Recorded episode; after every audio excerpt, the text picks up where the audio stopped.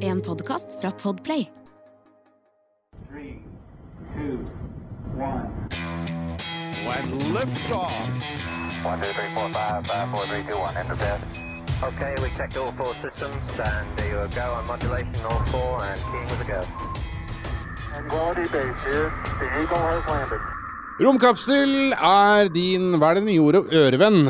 Er det, Er det ørevenn, ja? Vi er ørevenner. Ja, det er jo hyggelig, det.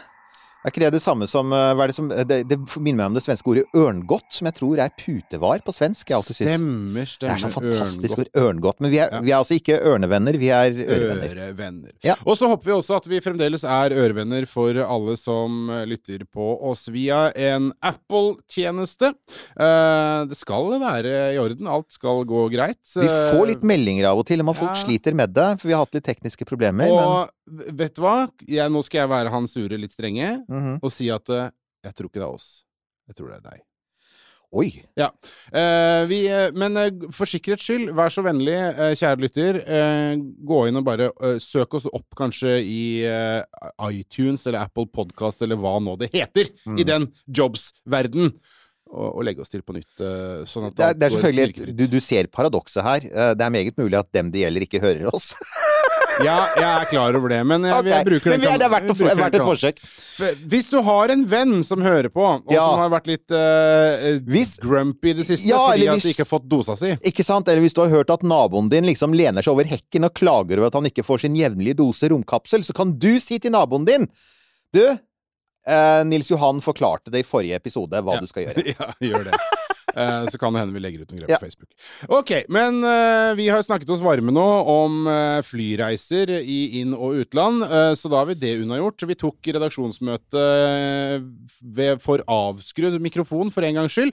Veldig hyggelig at du hører på, kjære romkapsellytter. Vi skal i dag reise litt sånn tilbake i tid. Vi får jo titt og ofte en god del spørsmål som går på liksom the golden age, eller the, the previous golden age of spaceflight, for vi får vel kanskje si at vi er liksom i den nye gullalder. Ja, det får vi si på tross av alle problemene ute i verden, får vi jo si det. Og du har helt rett, det kommer sånne jevne drypp, og det er mye Ofte så er det ganske sånn spesifikt, altså på mye selvfølgelig amerikansk romfart på 60-tallet, for det er Og det er ikke noe rart, for det er en sånn gullgruve for historikere.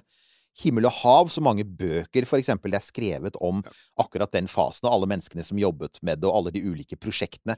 Ikke minst alle de prosjektene som det ikke ble noe av. Ja. Og øh, det jeg skal komme med noen Jeg kan ta noen betraktninger om det akkurat nå. Fordi eh, når jeg leste igjennom øh, det vi nå skal presentere, eh, så slår det meg at Jøye meg så mye som var planlagt. Ja. Som ikke blei noe av av forskjellige årsaker.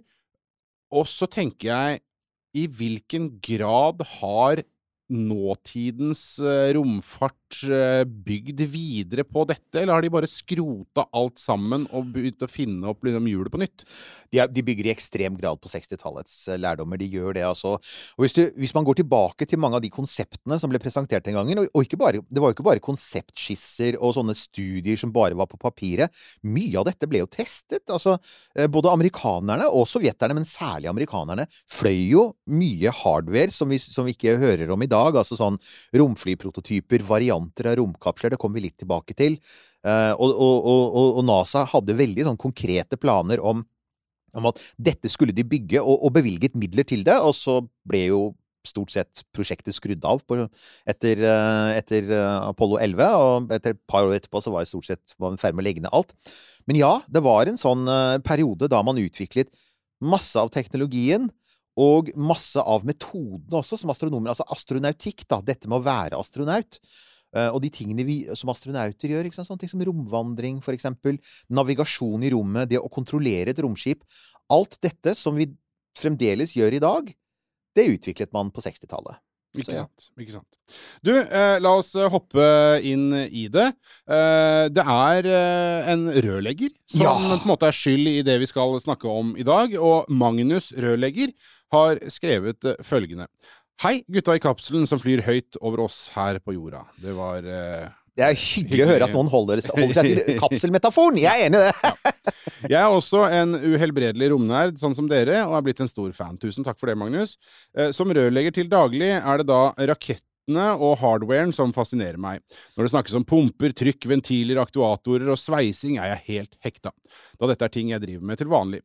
Selvfølgelig ikke så avansert, da, parentes slutt. Eh, altså, Ærlig talt, eh, Magnus, hvis vi sammenligner med noe av det som blir gjort i Russland, så er jeg ikke sikker på om differansen er så stor. Nei, og da har jeg bare lyst til å komme med en liten sånn eh, Ja. innskutt bisetning her som blir litt lang. Fordi jeg så nylig at eh, Andøya Space Ja. de har noen stillingsannonser ute. Blant annet så søker de etter en tekniker utskytning. Oi! Eh, og eh, bla, bla, bla. Arbeidsoppgaver er jo da vedlikehold av seksjonens utstyr og operativ infrastruktur. Eh, planlegging og forberedelse av operasjon innenfor ansvarsområdet. Delta i operasjoner som en del av det operative teamet i utskytingsområdet. Bla, bla, bla. Kvalifikasjoner, teknisk eller mekanisk utdanning, erfaring. God kunnskap på Microsoft Office-programvare. også og erfar den som kanskje er litt sånn jeg vet ikke utafor, men eh, herregud, det er jo mange som har det. Erfaring med håndtering av eksplosiver eller ammunisjon er ønskelig. Altså, Bortsett fra det med Microsoft Office, så hadde jeg hatt den perfekte kandidaten til det. Ja. Og det er ikke vår venn Werner. Det er hans gamle kollega fra Peenemünde, Gunther Wendt, som altså var, var ansvarlig for veldig mange av oppskytningene av amerikanske raketter på 60-tallet. Stort sett hadde de kvalifikasjonene, som sagt, bortsett fra Microsoft eh, Office-sertifisering. Ja, og så står det her nederst her, det er en forutsetning at du kan sikkerhetsklareres. Hvordan Ja. er det med Gynter der? Ja, altså, amerikanerne ville gitt han tommelen opp for han var gammel nazist, men det er mulig Det er mulig at vi hadde gått for mer denazifisering i dag. Men ja. eh, Oh, pass deg for det ordet nå om dagen! Ja, jeg vet Oi, det. vi, vi, jeg, jeg, jeg padler rolig tilbake ut av den. Ja. Eh, tilbake til eh, Magnus. Vi har jo hørt masse om de romprogrammene som det faktisk ble noe av. Men det som jeg da synes er ekstra spennende, er da alt som ikke ble noe av, men som var plausibelt. Jeg har hørt at von Braun og gutta planla alle romprogrammene helt fram til og med Apollo som en slags læringskurve for NASA. Altså Mercury lærte de seg å komme opp i verdensrommet, Gemini lærte de seg å være i rommet, og Apollo lærte de seg å lande på andre himmellegemer. Altså, Magnus, du er veldig godt pålest. Det er helt sant. Dette her er Det er på en måte det Når man ser tilbake på historien, så ser man at det, det er det som på en måte var kurven her, da. Læringskurven. Uh, altså, Som vi har vært inne på allerede, 60-tallet, ekstremt kreativt tiår. Igjen, amerikanerne utviklet fire separate romskip. Og, og alle var ganske forskjellige fra hverandre. Altså um, Mercury, Gemini eller Gemini. Eh, Apollo, også selvfølgelig Apollo månelandingsfartøyet, som jo var et eget romskip som var koblet til Apollo-kommandoseksjonen. Og, og som vi også har vært inne på, stort sett alt vi gjør, alt vi bruker av teknologi og metoder i dag, fra romvandring til dokking til navigasjon og, og, og life support, alle disse tingene ble utviklet på 60-tallet. Og mye av det ble utviklet i Gemini-prosjektet, Gemini-prosjektet, for det var liksom bindeleddet. Mercury, det var sånn OK, vi skal få en amerikaner opp i rommet. Vi, vi, vi mekker sammen noe så fort vi bare kan for å slå russerne. Det klarte vi ikke. Så, kommer, så er det da Kennedy bestemmer seg for å dra til månen, og så skjønner NASA til sin shock and horror at de kan jo egentlig ikke dra til månen. Vi kan jo nesten ingenting.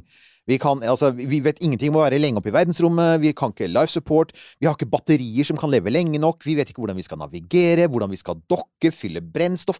Så å si alt var altså ukjent. Og så skjønte man også at det var lenge til Apollo kom til å stå klar. Så du måtte ha en stopgap. Du kunne ikke bruke Mercury, for var, den var bitte liten og veldig primitiv. Så de måtte altså rett og slett bygge et, eh, et nytt romfartøy med plass til to astronauter. Ja, og det var Gemini-prosjektet. Og han må jo si von Braun var ikke, Werner von Braun var ikke involvert i det, for han holdt jo på med Saturn 5-raketten i Huntsville, Alabama. NASA hadde jo masse forskjellige De var jo allerede blitt kjempesvære. Ja, for det var jo på det tidspunktet så var det jo titalls tusen, om ikke hundretusener av folk som Ja. var involvert i bygging av en eller annen form for uh, romfartøy. Det var det, og det er en sånn ting som det er sånn, eh, sånn rask tilbakespoling. Da NASA ble opprettet i 1958, så overtok de jo etter den foregå, en foregående organisasjon som het NASA med C, som først og fremst syslet med fly og aer aeronautikk. Men da overtok NASA massevis av forskningsinstitusjoner og anlegg som de så bare tok med seg videre inn i 60-tallet, og fortsatte å skaffe seg stadig nye anlegg. Så når, når, eh, når det er på tide å begynne å bygge Gemini, så man jo, har man allerede flere store, separate fagmiljøer spredd utover landet. Så ja, du hadde Huntsville, Alabama i, på, på østkysten, der hvor, um, hvor von Braun og, og nazistene holdt på. Men så hadde du også et stort miljø i California, og så hadde du begynt å få et miljø i Houston i Texas. Og det var da eh, Houston som i stor grad holdt i trådene i, i Gemini-prosjektet. Og så er det én ting som er utrolig kult med, med Gemini, og det er at det var i ekstrem grad så var det astronautdrevet. Ja. Altså, eh, man var jo veldig opptatt av Altså, amerikanerne hadde en annen designfilosofi enn en sovjeterne, helt klart. Sovjeterne var mye mer opptatt av fjernstyring og automatikk. Så for eksempel så er det, ingen, det er lite som tyder på at um, Altså, Gagarin under den første ferden hadde ikke kontroll i det hele tatt. Han var, Han bare var der. han var en passasjer, ikke sant, på, og måtte stole på uh, sovjetisk automatisering anno 1961. Kan vi være enige om at han var en modig mann? Ja, han må, men altså, kan vi bare eh, stoppe ved å dvele bitte lite Ja. grann ved det faktum Altså, 60-tallet Altså, Mm. Hvis du tenker tilbake på hva de hadde på 60-tallet Ja, det var en, en voldsom sånn teknologioptimisme og liksom framskritt og, og development av alt mulig rart. Men jøye meg! Mm. Altså, for å bytte kanal på TV-en, så måtte du gå bort den. Ikke sant? Eh, men, Ja. men, men fjernstyrte romfartøyer, det hadde de! De hadde det, men det er klart at det var veldig Altså, det var veldig på prototypstadiet. Eh, det handlet mye om at man hadde tatt den samme typen teknologi som man hadde utviklet for å styre atomstridshoder mot fjerne byer. Altså hadde man videreutviklet og, og, og i praksis da gjort til noe som kunne styre noe i bane rundt jorda. Men det var ekstremt primitivt, og det var også veldig upålitelig. Og amerikanske astronauter, som jo i veldig stor grad var testpiloter, og alle, alle hadde jo piloterfaring, og mange var testpiloter, og, all, og hadde kamperfaring også mange, de nektet jo det. De var jo fag... De var jo militære.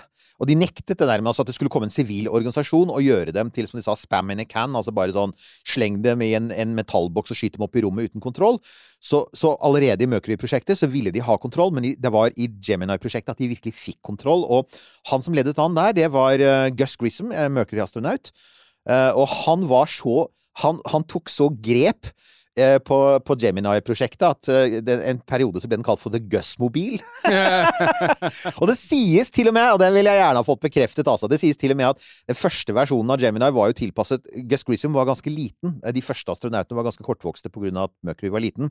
Og at eh, Gemini nesten var litt sånn Den var litt sånn trang pga. Gus. Det triste er jo da at Gus Grissom var en av de tre som døde på Apollo 1 Ja. sammen med White og Shafi. Og Gus Grissom var knallhard i kritikken av Apollo 1 før den tok fyr. Altså det var jo Lenge før den tok fyr, så var astronautene helt klare på at dette ikke holdt mål.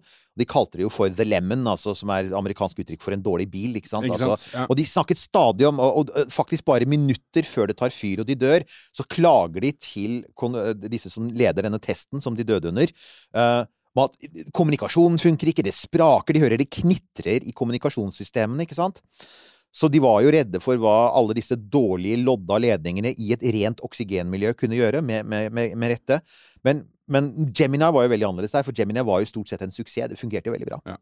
Ja, og da er vi videre da til uh, Big Gemini, uh, som skulle være hva da, etter Apollo, som, uh, som Mm. Magnus her skriver. Og så har vi da det som var planlagt etter Apollo. Der hadde de noe som het Big Gemini, som var en stor kapsel som skulle frakte ni til tolv astronauter av gangen. Og som var tenkt som en slags buss til og fra rommet i stedet for romfergen. Hmm. Ja, altså, dette er jo litt interessant, for at, altså, han har helt rett. Eh, Gemini-prosjektet var jo ment som et sånn mellomstadium. Det, skulle, dette var noe du skulle, det var en sånn ventepølse før liksom, eh, den ordentlige pølsa kom, og det var Apollo. Apollo var det som skulle være sånn mainstayen i amerikansk romfart. De skulle dra, til månen. Og Apollo kunne også brukes i lav jordbane. Du kunne koble det til romstasjoner. Det var jo NASAs tanke, egentlig. Det skulle bli det som Soyuz ble for russerne. ikke sant?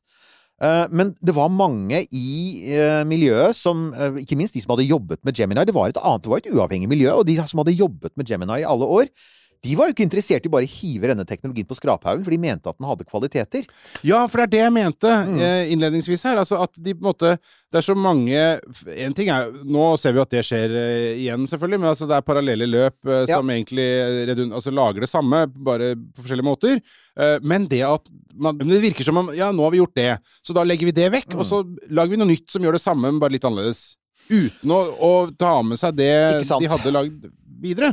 Det er nettopp det, og, og det handlet jo også om at uh, de som da jobbet på Apollo, var andre folk enn de som jobbet på Gemini. Så de som hadde jobbet på Gemini-prosjektet, ville jo gjerne bli med videre inn i fremtiden, og mange av dem var jo ikke nødvendigvis invitert med på Apollo. Så det var jo men, men det var jo på en måte også sunn konkurranse, da. Altså, ja, pissekonkurranse, ikke sant? Dette Ja, det liksom- er det, men samtidig så er det jo noe sunt i det også, med at Jo, du har ulike fagmiljøer. Altså, Hovedproblemet med Gemini var at den var Det var jo ikke egentlig en romkapsel du, du fløy inn i. Det var, en, det var nesten som en romdrakt du tok på deg. Altså, ja. Den hadde jo to separate luker. Som ble, det var i praksis dører som ble lukket over astronautene idet de var spent fast i setet. De satt så fastspent at jo da, de var oppe jeg tror opp til 14 dager, men man lærte ganske lite om vektløshet fordi at de faktisk satt så fastspent. Ja. Så man trengte noe større, og Big Gemini var da tanken om at du skulle få Gemini var jo kjegleformet, Mm. og man skulle forlenge kjeglen og få et sånn svært rom under, da. Ah. Med et mye større varmeskjold. Jeg har sittet inni en modell av Gemini. Det, Det er trangt. Ja, vi har nevnt det før. Som en eh, mann på godt over 100 kilo og eh, 1,90 nesten. Ja. Så Du er for stor, rett og slett. Ja? Og bare høyden din er feil. Ja. Så, så ja, det var jo tanken. Og dette ble lansert i 1969, og på det tidspunktet så hadde man jo begynt å snakke om at Apollo ikke kom til å overleve. Man hadde begynt å snakke om romferja. Det, det var da det neste.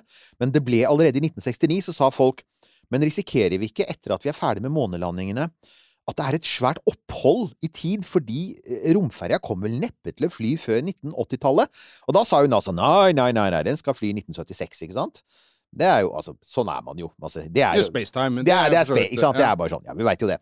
Men det var jo eh, Så kan man jo måtte da også si at det var jo strengt tatt ikke en sånn åpenbar, i hvert fall sånn for kongressmessig, grunn til at man skulle ha en kontinuerlig eh, aktivitet.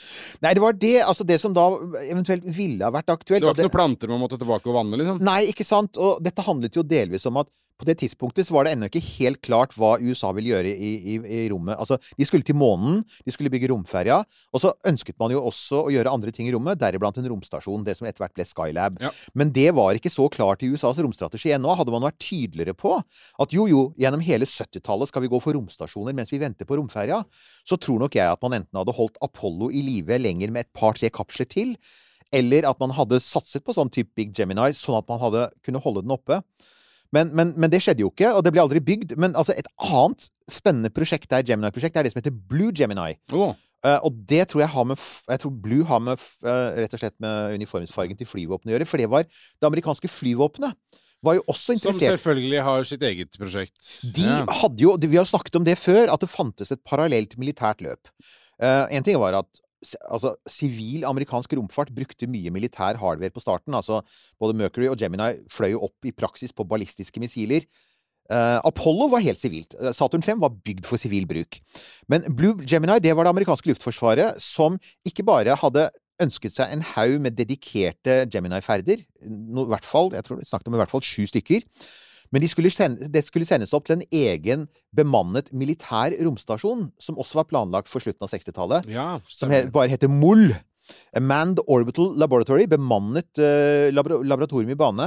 Rent militært prosjekt. Uh, hvor man skulle skyte opp to og to astronauter med Gemini, og i den anledning så skulle man bygge en egen variant av Gemini som hadde Istedenfor at du hadde sånne dører over setene på snuten, så hadde du faktisk en luke i, i, i selve varmeskjoldet, for sikkerhets skyld. ja som det skulle- hørtes ut som en kjempegod idé. Det høres ut som en kjempegod idé. Sånn at liksom Gemini kunne dokke med rumpa først til denne MOL-romstasjonen, og så kunne man åpne luka, og så kunne astronautene da krype gjennom der eh, og inn i romstasjonen og oppholde seg der, og da for eksempel ta bilder av Sovjetunionen fra verdensrommet. Det som da felte den i stor grad og de kom langt, altså. De hadde valgt ut, de valgte ut 17 astronauter. Så de hadde faktisk, de var, de var i gang med å trene astronauter da prosjektet ble kansellert. Ja. Det, det, var, um, det var automatiske spionsatellitter. Altså På det tidspunktet så begynte teknologien å bli så bra at det amerikanske luftforsvaret kom til at du kunne få like gode resultater med en helt ny klasse med eh, gode kameraer, eh, speil nesten på størrelse med romteleskopet. Altså, ja. Det er, det. Og her er jo saken. Sovjeterne lå jo langt etter amerikanerne teknologisk, så de klarte jo ikke å utvikle sånne spionsatellitter med en gang. Så sovjeterne kom i De skjøt jo faktisk opp flere militære romstasjoner i starten av 70-tallet. Det var slik de kom i gang med romstasjoner. For de hadde jo ikke disse denne superavanserte elektronikken som amerikanerne hadde. Så de var mye mer avhengige av å ha mennesker i rommet som faktisk rettet kameraet mot jorda og tok med seg filmruller ned til bakken. Ah, Så, ja, så eh, der er det et teknologisk skille som da gjorde at fram til i dag så har jo stort sett eh, flyvåpenet i USA fløyet ubemannet. eh, og så har de, de, hadde, de hadde, var jo de var jo med på å påvirke romferja, hadde noen romferjeflighter, men det var jo ikke så viktig for dem. De har jo klart seg med automatikk siden, så Ja, og Så ja. U- U2 og Å, oh, ja, ja, ja. og- Ikke sant? Men igjen, altså. Project Oxcart, hva er den heter for noe? Blackbird og så videre. ja, off, som veldig mange vil at vi skal prate om, og jeg sier altså, men det er for lavt nede! Men det er veldig stilig. Men, men det kule her er altså at, at um, Magnus har fullstendig rett. På, altså, dette sier noe, for at dette er ikke Altså, vi, vi er vant til å se mye sånn derre Vi er vant til å se mye sånn 3D-grafikk av raketter, ikke sant? Sånn Den neste raketten til uh, Jeff Bezos selskap! som ikke har vært noe annet enn en animasjon de siste fem årene. Ja. Og også på 60-tallet så hadde du masse sånne uh, tenketanker og private firmaer som laget studier. Det finnes jo en egen bok som jeg har nevnt før, som ligger ute på nettet, for NASA produserte den. Og det er sånn 50 år med konseptstudier for verdensrommet. Og, og omtrent hver eneste kule science fiction-idé har faktisk en tenketank tenkt gjennom og sagt jo, jo, det er mulig eller ikke mulig. Men det var ting som bare var på papiret. Men det vi snakker om her, altså uh, Big Gemini og Blue Gemini og, og Man Orbit, Orbital Laboratory, disse tingene som aldri ble noe av, de var jo i gang med det. Så de brukte jo penger på det. Det var bare at det ble kansellert på grunn av ja, Vietnamkrigen, budsjettoverskridelser, manglende interesse, den vanlige suppa. Mm. Mm. Du, bare for å gjøre dette her enda litt mer omfattende og lengre, Ja, ja. Eirik. Hvis du, det er, jeg blir fascinert av, eh, av den teknologiske eh, Tempo på den teknologiske utviklinga på den tida.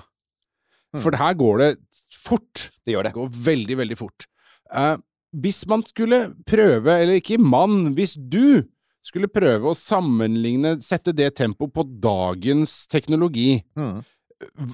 hvor hadde vi på en måte havna da? Å nei, det er Altså, jeg må jo si at, at uh, vi har nok vi, altså, Det er lett å undervurdere hvor mange ting som skjedde samtidig på den tiden. For parallelt med at vi utviklet alle disse nye rakettene, fikk vi all mikroelektronikken. ikke sant? Datamaskiner på begynnelsen av 1960-tallet. De, de er store som rom og bruker radiorør, ikke sant? Mm. Og, og transistorer. På slutten av 60-tallet er vi over på mikroelektronikk. Over, da, begynner, da begynner de første ordentlige mikroprosessorene å komme. Og, og det samme gjelder jo altså sånn eh, bruk av laser, for eksempel. Bruk av solceller i rommet. Dukker opp, på samme, dukker opp i den samme perioden.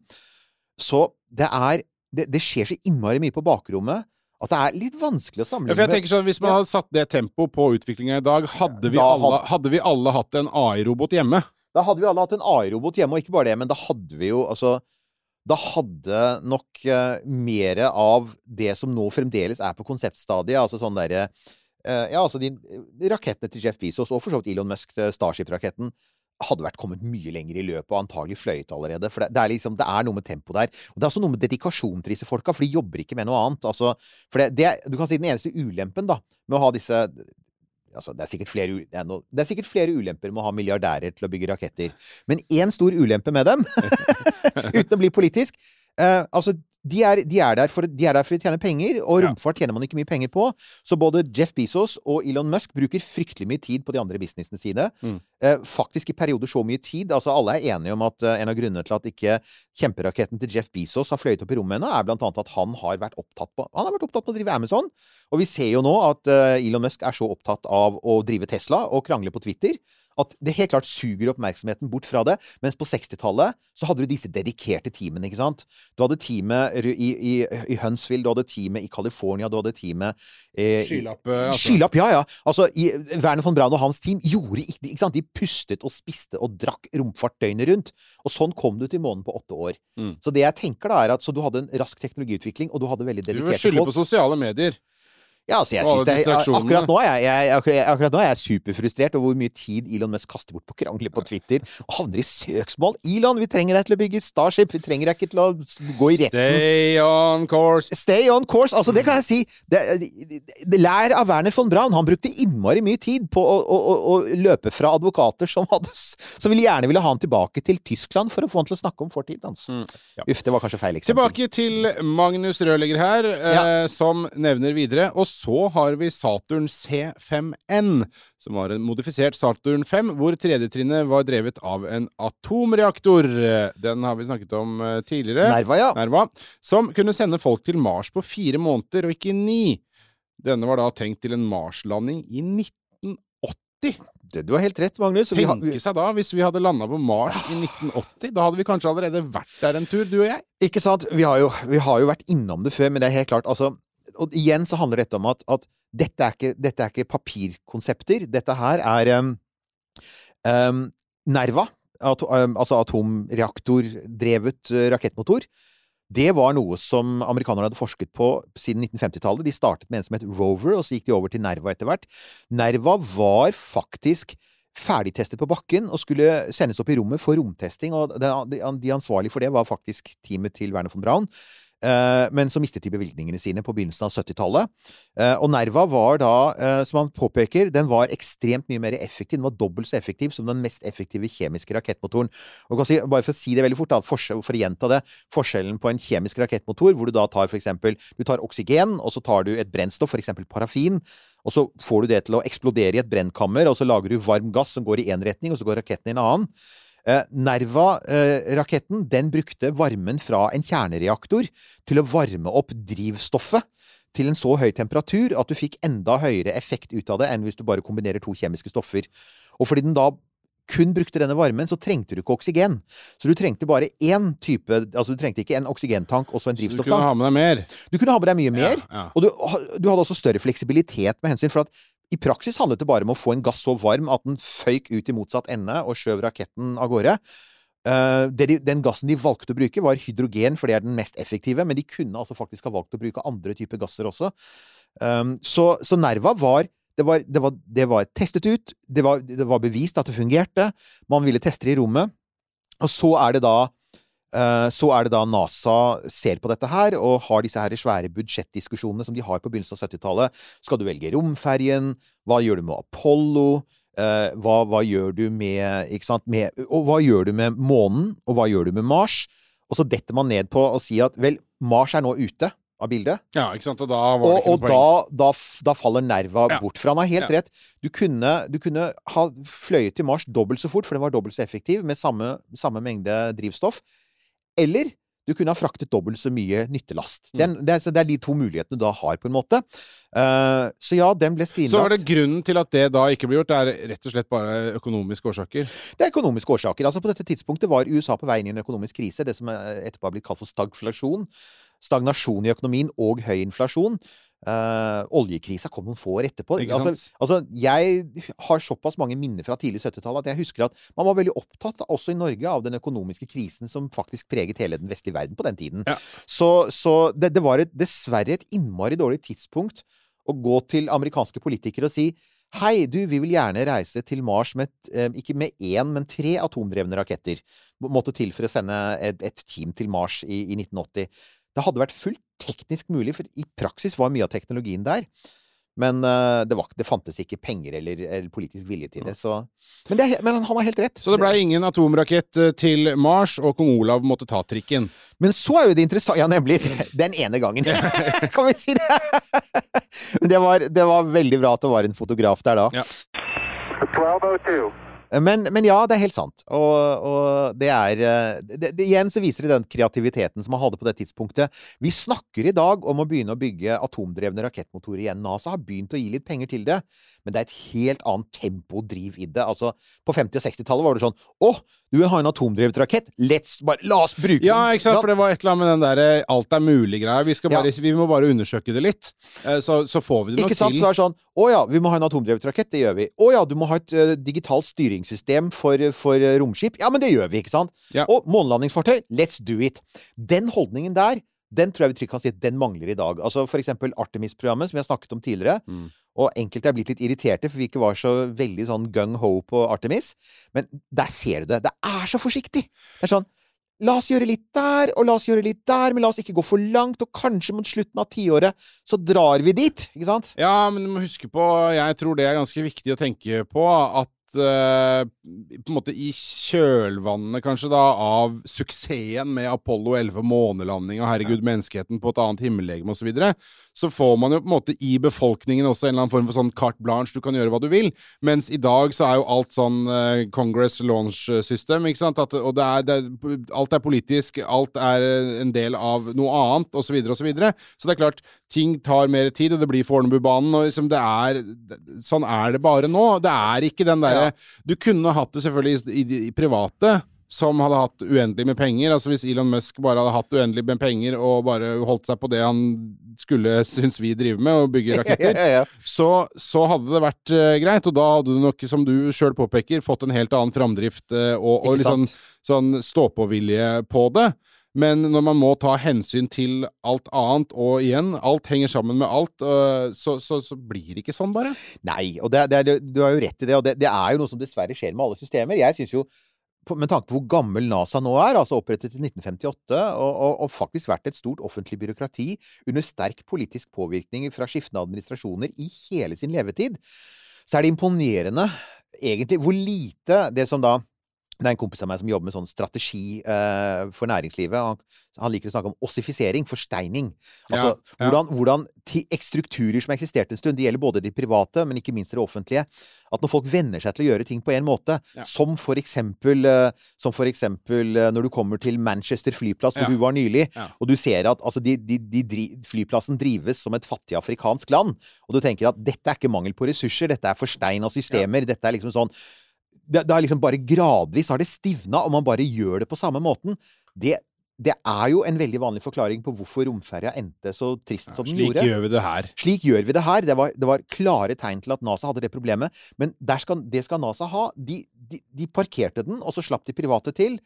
Og, og kvittet seg faktisk med mye av det. Så det er et eksempel på en organisasjon som har klart å liksom gjenoppfinne seg selv. Mm. Komme ut av mye av det samme. Og jeg tror, hvis du snakker med de som ser på Newspace i USA i dag, og som på det private, sier de i dag er NASA en mye mer positiv pådriver for, for altså, nye tanker og ideer, bortsett fra Pet Project, altså SLS. For det er liksom Det er gamle NASA. ja. Og, og det drives på den liksom samme forsteina måten. Alt er veldig byråkratisk og tungdrevet, og alt tar fryktelig lang tid. Ja.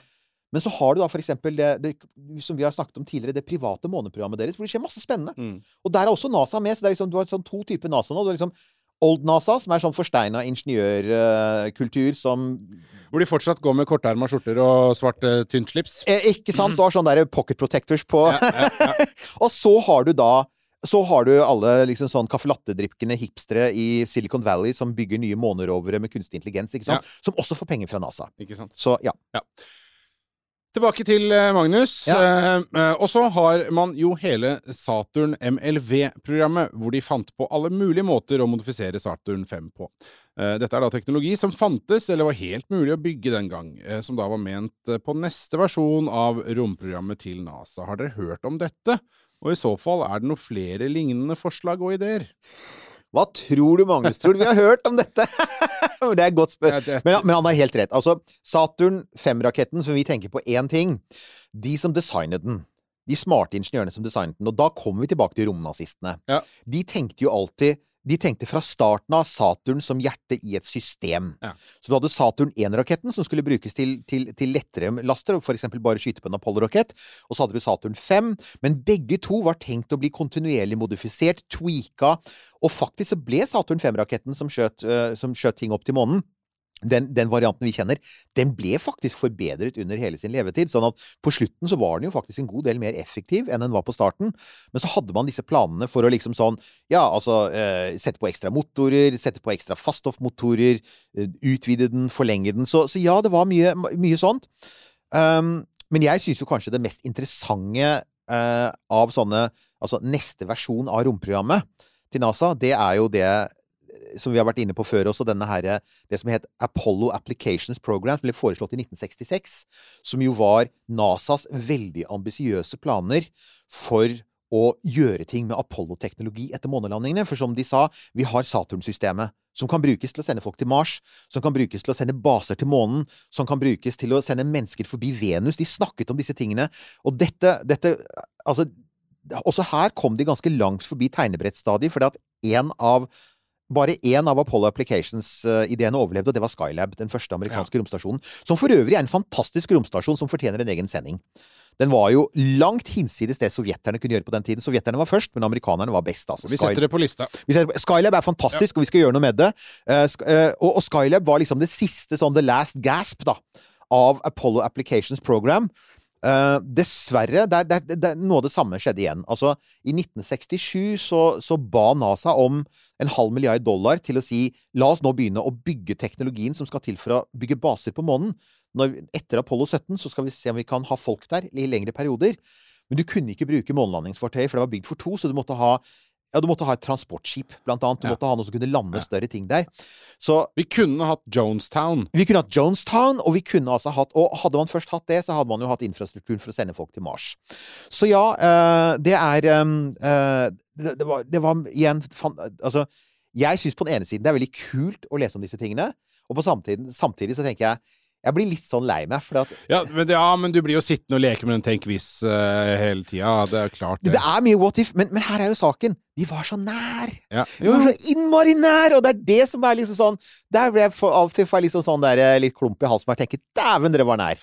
Ja, men det er, jo, det er jo igjen, da, da er vi tilbake til det jeg sa innledningsvis, som jeg syns er litt sånn fascinerende, da. At man var så nær da. Mm. Eh, Hvis man bare hadde liksom oppdatert en del av dette her, og så Mm. bare gjort det.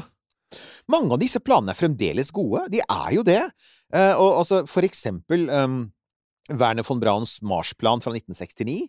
Altså, det er, det er langt på vei. Det, mye, altså, det ligner jo litt på, på en sånn den, den enkleste varianten av det som Elon Musk og hans uh, kumpaner har lyst til å gjøre på Mars. Sende av gårde tre skip. Ett med mannskap, to med forsyninger. Ikke sant? Det er jo altså det, det er jo Så ja, det er mye av det er bra. Mm. Mm.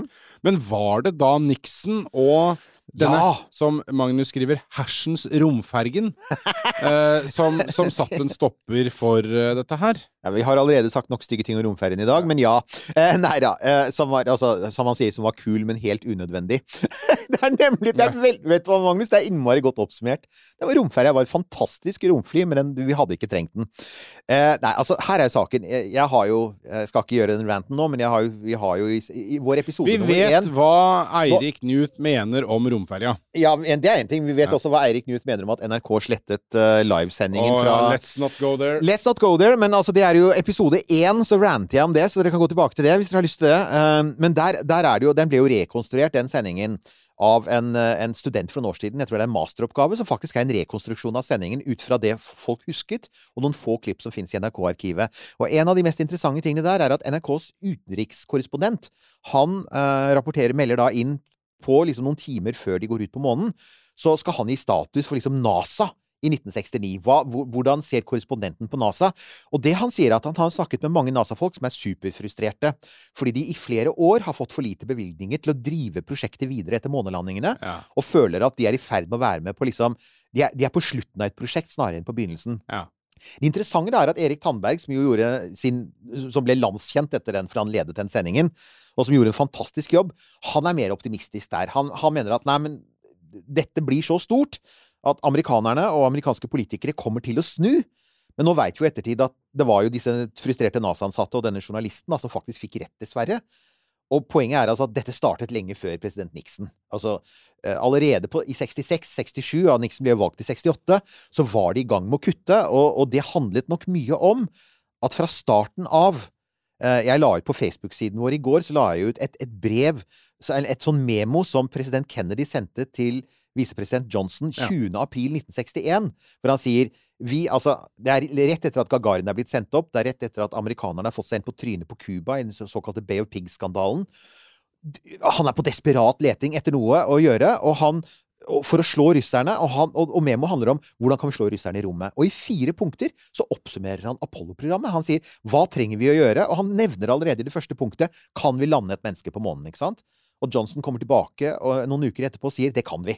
Og en måned etterpå så står Kennedy på talerstolen i Kongressen og sier I believe that this nation should set itself a goal. Den kjente kongresstalen. Det, Ja. det springer direkte ut av det, det, det memoet. Men poenget er To ganger i, det, i den korte, lille memo så nevner Kennedy hva er hovedmotivasjonen hans? To beat the Russians in space. Ja, ja, det er akkurat det. Det er det som jeg har Ja. sagt før, at dette her, det er jo et, et, et symbolsk prosjekt som, som sånn ble jo ikke starta fordi Altså, motivasjonen for å starte det var jo ikke at man lurte så fælt på hvordan det var å gå på månen. Nei, ikke sant? Og, så derfor skal han si at på sett og vis kan han si at fra, fra starten av så var det ment å slå russerne på det tidspunktet da man, da, da man hadde slått russerne med Neil og Buss. Så mistet, man, så, mistet vi, så mistet amerikanerne mye av piffen. Ja. Nå skal det sies da at det er klart at, at Nixon var, ikke, var uansett ikke veldig interessert i Apollo-prosjektet. Nummer én, det var ikke hans baby. Det var Kennedys baby, og Kennedy hatet han jo, fordi han tapte valget for han i 1960. Han mente jo Kennedy stjal valget uh, i 1960. Og Nixon hadde vært ute av amerikansk politikk på store deler av 60-tallet, så han, han var ikke involvert i dette. Så han arver Kennedys prestisjeprosjekt. Uh, og, og, og er da i tillegg så vet han at han har arvet risikoen, for det har allerede dødd folk i Apollo 1. Han vet at risikoen for å dø, for det får han jo høre av rådgiverne sine, risikoen for, for at noen skal dø under Apollo er kjempehøy. Apollo 13 bekrefter hvor farlig det er. Så han er under hele sin presidenttid så er han livredd for at det skal skje en stor katastrofe i rommet, og at han skal få skylden. Sant? Jeg tror han var mest opptatt av seg selv der. Så, så rent personlig for han så kan du si at selv om, selv om bevilgningene allerede var kuttet, så kan han si at jo, jo, altså, det kostet han ikke veldig mye å droppe Apollo, men, men stemningen var allerede mot Apollo i det amerikanske folket, så, så på det tidspunktet Ja, så var løpet kjørt. mista jo interessen Ja. etter 11, egentlig. Apollo, altså, Apollo 13-filmen viser det innmari innmari ja, godt. opinionen, ikke sant. Opinionen hadde allerede snudd. Allerede under Apollo 12 så hadde jo opinionen snudd, Ja, ja. og på, på Apollo 13 så var det jo tatt av TV, Ja, ja. som, som de ganske Ja, viser. det måtte gå gærent før de kom tilbake eh, på TV. Ja. Eh, videre. eh, Vår venn blir litt teknisk her, men ja, vi rekker det eh, òg, vi. Ja, ja, ja, ja, ja, ja. For all del, det er jo derfor vi er her. Eh, og er det sant at J2-motoren på Saturn 5 er bestefaren til RS25? Eh, RS25 er romferjemotoren. Eh, J2-motoren eh, på Saturn er fra andre trinnet på Saturn 5. Begge to er såkalte hydrolox-motorer, dvs. Si at de har oksygen som leverer oksygenet som skal erstatte det som ikke finnes i verdensrommet, og så brenner de hydrogen som brennstoff. Det er den mest effektive formen for kjemisk motor som er i vanlig bruk, da. Ja, altså, det er faktisk sant. Og det er rett og slett fordi eh, J2 um, det- som vi snakket om, man ønsket å videreutvikle Saturn 5-raketten til å bli mer effektiv. Og selskapet som bygde J2, som heter Rocketdyne, de bygde en mer avansert versjon av J2-motoren. Eh, som på slutten av Apollo-prosjektet. Den het HG3. Men da, da månepengene tørket inn, så måtte man skrinlegge hele dette prosjektet med å, å oppjustere eh, Saturn 5-motoren. Men det man lærte av HG3-motoren, det ble da seinere brukt i romferjens motor, RS-25, som lever videre den dag i dag, for den skal jo brukes på SLS-raketten. Så, så det er Men disse, disse her hydrogenmotorene har faktisk en egen evne til å leve lenge. Eh, For eksempel er det sånn at til denne dag så bruker de fleste romsonder som sendes opp med en rakett for NASA, skyves av gårde mot planetene med et andre trinn som kalles for Kentaur, som drives av en motor som heter RL10. Det, en, det var den første hydrolox-motoren som amerikanerne utviklet allerede på 1950-tallet. Den har nå vært i jevnlig drift i 60 år, og folk spør hvorfor bytter hun ikke ut? Fordi den er nærmest perfekt. Man, altså, den, den er det, så er, det er litt deilig. Det er litt deilig! Jeg syns det, altså. Som de sier. Vet du, Nei, vi, det er ikke noe why fix it if it's not why, ikke sant? Og, og derfor sier jeg at det er helt, helt ok å bruke RS25, for det er en fantastisk motor, og den baserer seg på fantastisk teknologi. Så det, det vi kan lære av dette, er eh, for oss som liker teknologi, det er litt deilig å se at 60-tallet lever. Så liker jeg at eh, Magnus virkelig har dykka ned i dypet her, altså. Å, det, det siste spørsmålet her, vi får ta Ja, det òg, for ja, ja. det er altså Ja da, for Magnus har lest og hørt mange ting. ja. Og så har jeg hørt, men vet ikke om det er sant, at LC-39 var egentlig bygd for en enda større rakett enn Saturn 5. Og Eirik Newt. stemmer det? Ja, altså jeg, har faktisk Dette har jeg også sett, og alt jeg har klart å finne ut om det, støtter for så vidt det han sier der. På en måte så gir det mening, fordi at eh, ingeniører overdesigner. Med andre ord, når du altså LC, for, øvrig, LC39 er Launch Complex 39. Det er en legendarisk oppskytingsplattform blant mange på det såkalte Space Coast. Altså, du har jo vært der, så Ja. du veit jo. Det er en lang stripe oppover langs uh, kysten av Florida, hvor det ligger på rekke og rad forskjellige oppskytingsplattformer. LC39A og 39B er legendariske annet fordi at de fleste Apollo-ferder tok av derfra. Eh, og også fordi at romferja brukte det i stor grad. Så dette er liksom, dette er sånn kronjuvelen blant eh, Der hvor akkurat har de kommet seg av gårde, eller står de der og venter på hver ehm, Crew 4 eller Crew 4 står og venter på Ja, de venter litt. Ja, Helt I riktig. dette tidspunktet, I det, når når dette tas opp, så gjør de det. For det stemmer. De som nå leaser LC39A, Axiom eh, ja. Ja. De står og venter på 39. de står og venter på 39, og det er fordi at dette leases nå av SpaceX. Ja. Fordi NASA ikke lenger hadde noe uh, rakett som de kunne skyte opp den fra. Så og så spørsmålet er jo da eh, Da man bygde plattformen, var den bygd for en større rakett? Den var i utgangspunktet overdesignet for å tåle eh, de enorme kreftene som ble utløst når Saturn 5 ble skutt opp, verdens største rakett. Men ja, den var visstnok også designet for å tåle storebroren til Saturn 5, som aldri ble bygd. Det var jo Werner von Brauns drømmerakett. Den het Nova. Uh, og den var noe sånt som så dobbelt så tung som Saturn 5. Den var bygd for å løse et helt konkret problem, og det var før man kom på Altså, for det, det er altså sånn at da man dro til månen, så hadde vi denne kommandoseksjonen som sendte et månelandingsfartøy ned til månen. Det som heter Lunar Orbit Rendezvous. Man møttes i bane rundt månen. Det var en briljant løsning på et ganske komplisert teknisk problem, der der Werner von Braun og hans team egentlig ville gå for en direkte løsning. De ville bare sende en stor rakett rett til månen og lande hele smala på månen Ja. og ta av igjen. Men for å gjøre det, så trengte du en fryktelig mye større og tyngre rakett, og det betydde at du trengte en mye større bærerakett, mye større enn Saturn 5.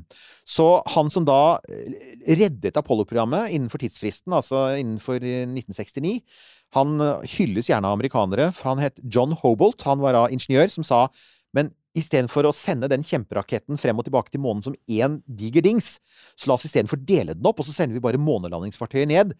Men for å få det til, så måtte man jo lære seg å dokke. Og ikke bare det, man måtte lære seg å navigere godt nok til at det lille månelandingsfartøyet kunne ta av og treffe kommandoseksjonen i bane rundt månen. Ja. Og til det så trengte man da en fyr med doktorgrad, den verdens første doktorgrad i dokking og rendezvous i rommet, og han het Buzz Aldrin. Så det er jo en viktig grunn til at Buzz Aldrin ble med til månen, var at man visste at på den aller første ferden, når man skulle ta av med et lite romskip fra månens overflate og dokke med noe i bane, så trengte man jo den beste på kloden til å gjøre det. Men altså opprinnelig var planen bare å, å, å, lande rett på månen, og så fly rett tilbake igjen. Det er for øvrig det egentlig det Elon Musk har tenkt å gjøre med Starship. Ikke sant. Nettopp. Så, så, så det han sier, er den, den modellen NASA brukte, var grei nok, men den var veldig wasteful. Den kastet jo masse rakettdeler. Men skal du gjenbruke systemet, så må du jo lande hele smala. Så ja, eh, så det er helt riktig at denne overdesignen og designet for for um, Launchpaden og Launchpaden for for, og for Saturn 5. Nova-raketten gjør jo at i prinsippet så burde også Starship kunne ta direkte av fra LC-39. Starship er jo dobbelt så tung som Saturn 5. Ja. Starship er jo egentlig I masse så er den omtrent på størrelse med Nova. Uh, så vidt jeg kan skjønne. Men så har Starship den greia med at du skal ha de der chopsticks-greiene. Du har disse lange armene som skal fange den på vei ned. Og det kan, altså du kan ikke ta det tårnet og bare feste chopsticks på det. Så det man gjør nå, er ganske nær den legendariske LC-39A.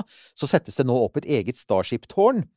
Fordi na, eh, ja, er, de, de, de lærde strides, men enten så er det de føderale luftfartsmyndighetene som har rota det til ved å få en veldig lang behandlingsprosess på godkjenning for oppskyting fra Texas, eller så er det SpaceX som faktisk ikke har skjønt alvoret i saken, eh, og, og ikke har lagt inn nok tid til behandling.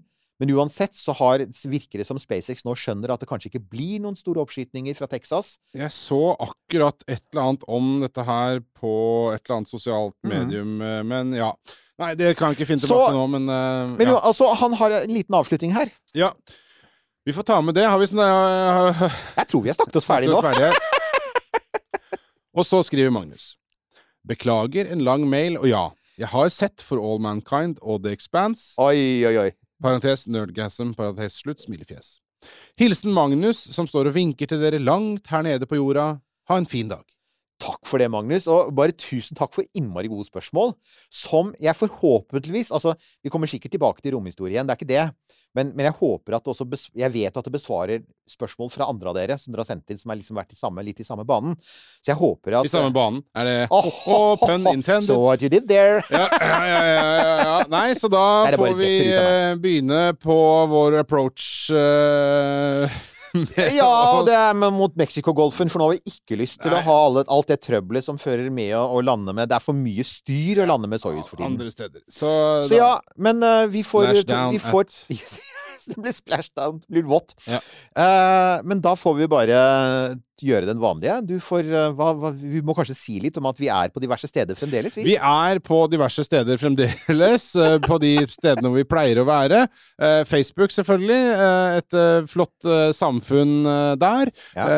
Og romkapsel.no hvis du har lyst til å kjøpe en kopp eller en T-skjorte. Enten det er Werner von Braun-trøya, Romkapsel-logo-T-skjorta eller uh, den nyeste tilskuddet der, uh, 1202-trøya. 1202-trøya. Eller om du har lyst til å drikke din kopp med kaffe, te, teknekt eller karsk Uh, fra en romkapselkopp. Uh, så vil jeg bare få lov til å eh, minne på Jeg har bare lyst til å si at eh, nettbutikken vår heter Dennis. Han er eh, 15 år gammel og bor i huset ved siden av meg. Eh, så at eh, ting kanskje tar litt tid. eh, det er bare sånn det er. Beklager det, men vi kjører en sånn Vi har en sånn indie production. kortreist og lokalt. Det er sånn det er. Ja. Ja. alle skal få. Alle skal få. Ja. Så er det VIPS. Vips, eh, hvis du er så anlagt at I det gamle eh, hjørnet. I det gamle hjørnet, ja. Eh, Romkapsel, Newt og Halvorsen eh, på Vips. Vi setter selvfølgelig veldig stor pris på alt som måtte komme der. Og selvfølgelig alle som også kjøper eh, T-skjorter og, og ornamenterer sin hverdag eh, og forteller sine venner om hvor nerdy de faktisk er. Ja, og jeg kan si at hvis dere har, hvis dere har hørt dere gjennom denne, Ja. og hører denne utroen her, da kan jeg si at det, dere er kongenerder, og vi digger dere. Du har hørt en podkast fra Podplay.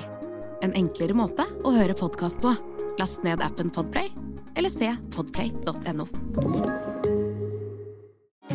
Nå er det påskesalg hos Ark. Du får 30% på påskekrim og 40% på alle spill og puslespill.